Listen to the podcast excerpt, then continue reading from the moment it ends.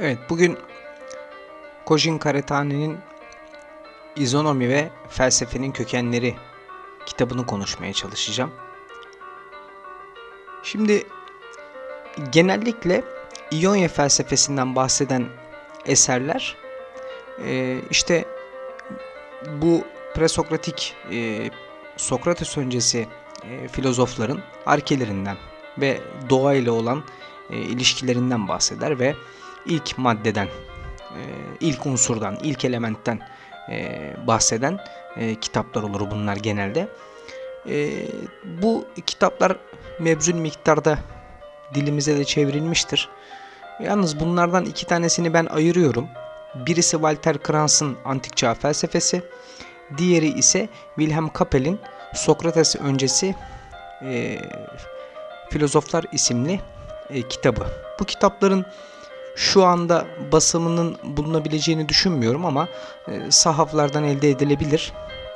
Bizde ise Ahmet Hoca'nın, Ahmet Arslan'ın 5 ciltlik e, Antik Yunan felsefesini anlattığı kitabını çok önemsiyorum. Eğer dayanılabilirse e, bu kitabın kesinlikle okunmasını tavsiye ediyorum. Birinci ciltte zaten İonya felsefesinden ve Atina felsefesinden bahsediyor. Şimdi e, Kojin Karatani'nin bu eseri biraz çizgi dışı bir şey. E, Karatani e, klasik manada bir düşünür. 1941 yılında Japonya'da doğuyor. İktisat eğitimi var. Ekonomiden anlıyor. Ve bir İngiliz edebiyatı uzmanı kendisi. Ama en önemlisi bir eylem adamı. Anarşist ve Marksist kökleri var. Fakat bir Asyalı olarak özellikle bu belki göze batsa da batıdan ihraç edilmiş bir solu kabul etmiyor. Solda yeni imkanları etik kaygılarla aramaya çalışıyor. Ahlakı olmayan bir ekonomi politikasının kör olduğunu, kör olacağını, ekonomik kaygı gözetmeyen etik bir müdahalenin ise boş olduğunu ifade ediyor. Bir anlamda soruna hem maddi hem de manevi açıdan yaklaşabiliyor açıkçası. Şimdi İzonomi ve felsefenin kökenleri çizgi dışı bir eser dedim. Bu çizgi dışı olmasının nedeni de izonomiden bahsetmesi. İzonomi kavramı çok önemli bir kavram. Ve bu kavramı yani bu kitabın birinci bölümünde özellikle anlattığı bölüm e, izonomi ile yani Atina demokrasisi ile İonya toplumunu İonya e, özelinde karşılaştırdığı e, bölüm e, belki de bugüne kadarki en orijinal e, söylemlerden birisidir. Eserin kaynakçası da çok dolu ve farklı kapılar açıyor. Platon ve Aristoteles'in pek çok eseri zaten var. E, Sokrates öncesi filozoflara dair eserler var. Hatta Hannah Arendt'ten işte onun totalitarizmin kaynakları, devrim üzerine kitaplarından alıntılar var. Bergson'dan, Bloch'tan, Weber'den e, mebzul miktarda alıntı bulabilirsiniz. Kitabın 5 bölümü var. Benim en çok önem verdiğim bölüm ilk bölüm. Bu konuşmada zaten mütalaa etmeye çalışacağım bölümde ilk bölüm olacak. İkinci bölümde tabiata dönük bir felsefenin icrasının anlatıldığını göreceğiz. Hesiodos, Homeros, Herodotos ve Hipokrates'ten e, bahsedecek. E, üçüncü bölüm İonya doğa felsefesinin din eleştirisi olmakla birlikte e, burada e, Karatani pek çok ezberi bozuyor zaten. Dördüncü bölüm ise İonya sonrası felsefenin serüveniyle ilgili e, Pitagoras, Herakleitos, Parmenides ve Elea okulu e, bunlardan ve bunların özellikle bakın e, toplumla iç içe yani bu insanların toplumdan bağımsız değil o toplumda e, göstermiş oldukları tepkileri ve ilgilerini anlatıyor.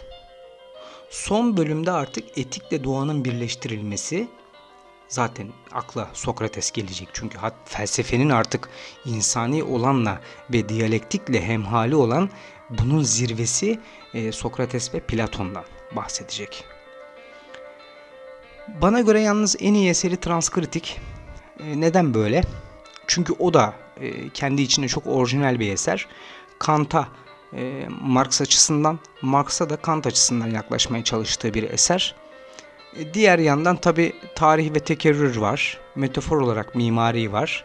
Derinliğin keşfi var. Bunların hepsi Metis Yayın Evi'nden çevrildi.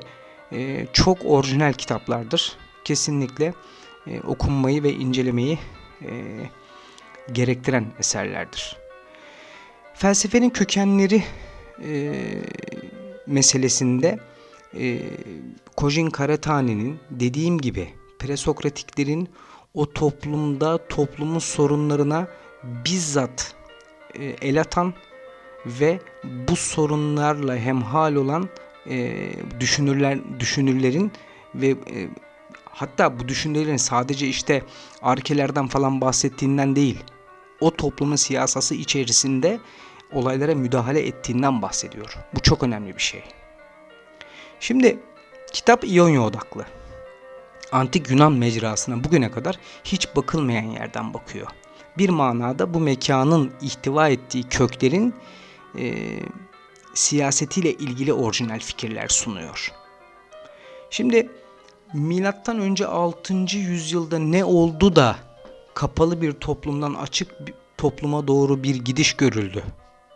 Hatta toplumun dinamizmini arttıran nüveler nasıl olgunlaştı? Karatani bu kısımda özellikle mübadele tarzı din ilişkisine dikkat çekiyor. İşte animizmden büyüye, dünya dinine ve nihayet evrensel dine doğru bir gidiş sunuyor. Şimdi bu yorumu aşırı e, bulabiliriz. Çünkü dinin kemaliyet ölçüsü olarak animizmden evrensele kesin bir gelişim e, içermediğini, içermek zorunda olmadığını söyleyebiliriz. Ama şu var. Adem'in cennetten kovulma hadisesi ekmeğini alnının teriyle kazanması karşılığı yapılan ahitnameye dayanıyordu. Kardeşlerin birbirini öldürmesi Allah'a yakınlaşma adına sunulan kurbanların kabul edilip edilmemesine göre şekillenmişti. Şimdi bu açıdan bakarsak Karatane'nin etik peygamber köke, e, kökenindeki Yahve ile yapılan sözleşmeyi hatırlamak lazım. Şimdi bu süreci Yunan polislerinde de görüyoruz işte yokluktan, zorluktan gelme o hikaye, o işte mitik hikaye, o Babil sürgününü hatırlayalım. Bu kökenlere yansıyor zaten. Diğer yandan halkın fıtratının bozulmasına yol açan tarımsal tanrı Baal'le olan ilişkileri ve üretim biçimlerine yansıması da e, meseleleri değiştiriyor. Şimdi biz biliyoruz ki bu e, Marksist e, yorumlarda e, hatta Marksizmin özünde dini ve felsefeyi ideolojik bir üst yapının parçaları olarak e, görmesi var. O üst yapıyı da zaten ekonominin yasaları belirler. Yani üretimin çeşitleri.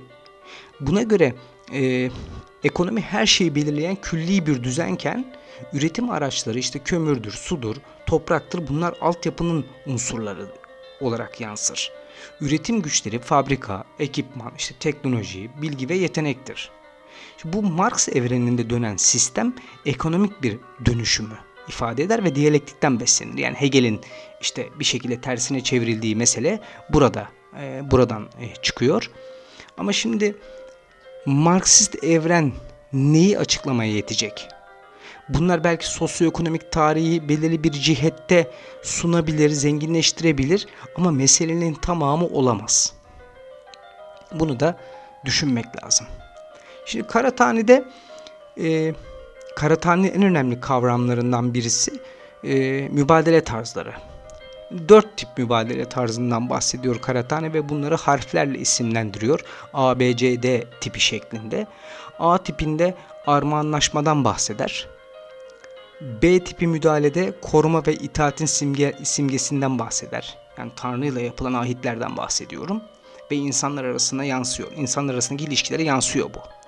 E, küresel ölçekteki C tipi mübadele tarzı var.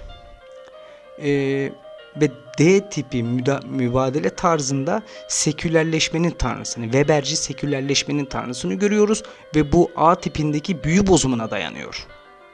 Ne demek bu? Tanrı ile ilişkiyi nötrleştirmek demektir. Yani bir anlamda deizmdir. Neden böyle? Aslında bunu bilimin ratio, aklı ratioya indirgediği e, gelişime de buraya bağlayabiliriz. Yani artık etliye sütliye karışmayan bir tanrı. Müdavimliği olmayan bir tanrı tipi hatta insanın tahta çıkışından bahsedebiliriz. Tabi insan o tahta fazla yaşayamayacaktır. Şimdi A tipinde insanların boyun eğdikleri tanrı e, D tipinde Nietzsche'nin öldü dediği tanrıya dönüşür. Bu sefer ne olur? Ee, insan vitrinin tepesine çıkıyormuş gibi görünür. Aslında olan biten insanın köleliğinin ve efendiliğinin çıplak gözlerle görülmesine bir sürme çekilmesidir. Çok e, enteresan bir şey. E, İonya filozofları antropomorfik tanrı anlayışını yani insan tanrı inancını eleştirdiler. Bununsa tek tanrı inancına ulaşılmasıyla gerçekleştiğini söylüyor Karatani. Yani az önce ifade ettiğim büyü bozumuna benzer bir biçimde. Hatta Karatani İonya filozoflarına örnek peygamberler diyor. Bu nedenle modern antik Yunan felsefesi yorumlarını arkaya atarak düşünmekte fayda var doğanın baş tacı edilmesi veya işte bu filozoflara bilim yapıyor türünden yorumlarda bulunmak açıkçası çok haksızlık olur ve sıkıntılı bir bakış açısının ürünüdür. E, genelde batıdan e, batı e, felsefe tarihçilerinin çevirdiği eserlerde bu bakış açısını görüyoruz. Karatani kesinlikle bu tip yorumlara katılmaz. Ne zaman etik soruşturmalardan bahsetsek, ne zaman humanistik bir bakış açısından bahsetsek ve bunu diyalektik metotla yapıldığını söylesek Sokrates'i karşımızda buluruz. Ve bu yüzden de açıkçası felsefeyi İonya'da değil de sanki Atina'da başlıyor e, düşüncesine kapılırız. Ama gerek Homeros'u gerekse demokrasiyi İonya'ya borçluyuz. Hatta daha da ileri gidersek liberal serbest para ekonomisinin köklerini de İonya'ya borçluyuz. En azından e, Karatani e, bunları e, söylüyor.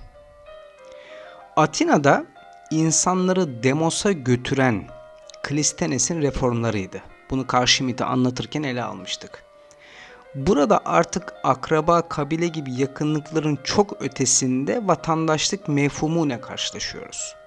Yani önce 508'den bahsediyorum. Şimdi Karathane'de bu köklerde devletin oluşumuna engel meseleler anlatılır. Kabile anlayışıyla açıklanamayan bir devletsizlik fikri. İşte izonomi tam da budur.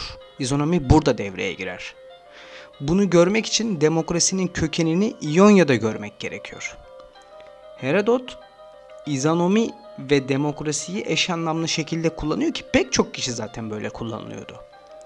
Aslında mesele arşinin yani arşinin yani hükmetmenin, yönetimin olmamasıdır. Bu insanlar kısıtlama ve her türlü imtiyazı aşarak bu kafaya erişmişlerdir. Sözleşme topluluğu prensipler silsilesine erişerek özgürlük fikrini siyasa anlamında hazmetmişlerdir. Özgürlükten doğan bir eşitlik eşitlikten bahsediyorum. Şimdi e, karşımda anlatırken demokrasi ve liberalliği ayırmıştık birbirinden parlamento olmadan da demokrasi ortaya çıkabilir. Dolaysız da olsa böyledir bu. Yani Karatani'nin e, burada anlattığı sorunlar hala da devam ediyor zaten. O yüzden bir imkan doğuruyor diyorum bu kitap. Bu doğrudan demokrasi eliyle Atina'da tiranlığa giden yolu açıyor zaten. İzonomi de böylece anlamını kaybediyor. Bu modern çağdaki filozoflar da zaten izonomiyi böyle anlıyor. Hannah Arendt hariç. İzonomi demokrasi ve eşitlikle eş anlamlı kullanılmıştır dedik. Ama neredeyse orijinal diyebileceğimiz İonya toplumu için kabile geleneklerine bağlılık açıkçası yönetim, yönetimsizlik fikrinde çok önemli.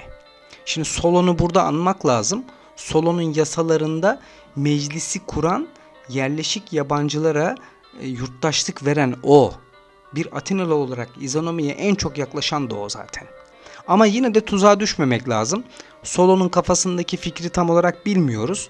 İzonomiden ne anladığı meselesi çok önemli. Açıkçası zaten onun uygulanabilir tarafı olmadı. Bu yüzden de onun e, izonomiye daha yakın olduğunu gösterebiliriz. Çünkü tiran e, ama bir yandan da tiranlık baş gösterdi. Tiranlık bir günde gelmiyor tabi. Yani insanların başlangıçta soğuk su ile dolu kazana atılması ve kazanın yavaş yavaş kurban misali ısıtılması lazım. Sonuç olarak demokrasi Atina'da, izonomi İonya'da gelişiyor. Şimdi Karatani bu kitapta izonomi ile demokrasiyi nasıl ayırıyor? İzonomi bağımsız çiftçilik, ticaret ve üretimin gelişmesinin bir parçası olarak şekillenirken demokrasiye o toplum ittiriliyor. Nasıl ittiriliyor? Atina'da askeri nedenlerle veya bir sınıfın isteği üzerine şekilleniyor. Önce Solon yasaları, sonra tiranlık, sonrasında demokrasi. Sıralama böyle zaten. Klistenes'in reformlarıyla oluyor bu. O da eski düzene yama yapmıştır diyebiliriz. Yani ortaya koyduğu yeni yeni bir şey yok aslında. Şimdi antik Yunan'ın demosu hmm, bir anlamda bu Karatani e, Benedict Anderson'dan alıntı bu. Benedict Anderson'un Hayali Cemaatler kitabı var. O çok önemli bir kitap. E, yani modern milliyetçi fikirlerin gelişmesine de benzetebiliriz bu demosu biz. Çünkü o demos ileride zaten modern çağda ne olacak? Milli devletlere, milliyetçi kökenlere dönüşecektir. Yani bu şimdi bu kitabı okuduğumuzda bizim e, sözün kısası e, bir çıkış yolu gösterdiğini görüyoruz. İzonominin insanın ve toplumun durumu açısından her şeyi mümkün kılabileceği inancını tazeliyor. İzonominin e, yozlaşmış halinin demokrasi olduğunu anlatıyor. Hatta bunun etkilerini Pisagor'da, Herakleitos'ta, Parmenides'te hatta Sokrates'te görebiliyoruz. Tabiatı ahlakla ilişkilendirmek ve insan onuruna layık bir düşünce sistemi üretmek. Mesele bu. Bu olmasa da izleri hala sürülebilir. Karatani e, klişeleri yıkmak için bir başlangıç sunuyor. Atina demokrasisi Sokrates'i ölüme götürmüştü. Ve Platon bu olay sonrası kaçıp gezgin bir döneme başlamıştı. Son sözlerimizi e, söylerken Platon'un e, devlet kitabından ve Kojin Karatani'nin de alıntıladığı bir bölümle e, noktalayacağım. Sorunu şöyle ifade ediyor. Aşırı özgürlüğün tepkisi insanda da toplumda da aşırı bir kölelikten başka bir şey olamaz sanırım. Doğru. Zorbalığın ancak halk devletinden doğması tabii bir şeydir. O halde en taşkın özgürlük orada olduğuna göre en yaman, en dayanılmaz kölelik de orada olacak. Herhalde.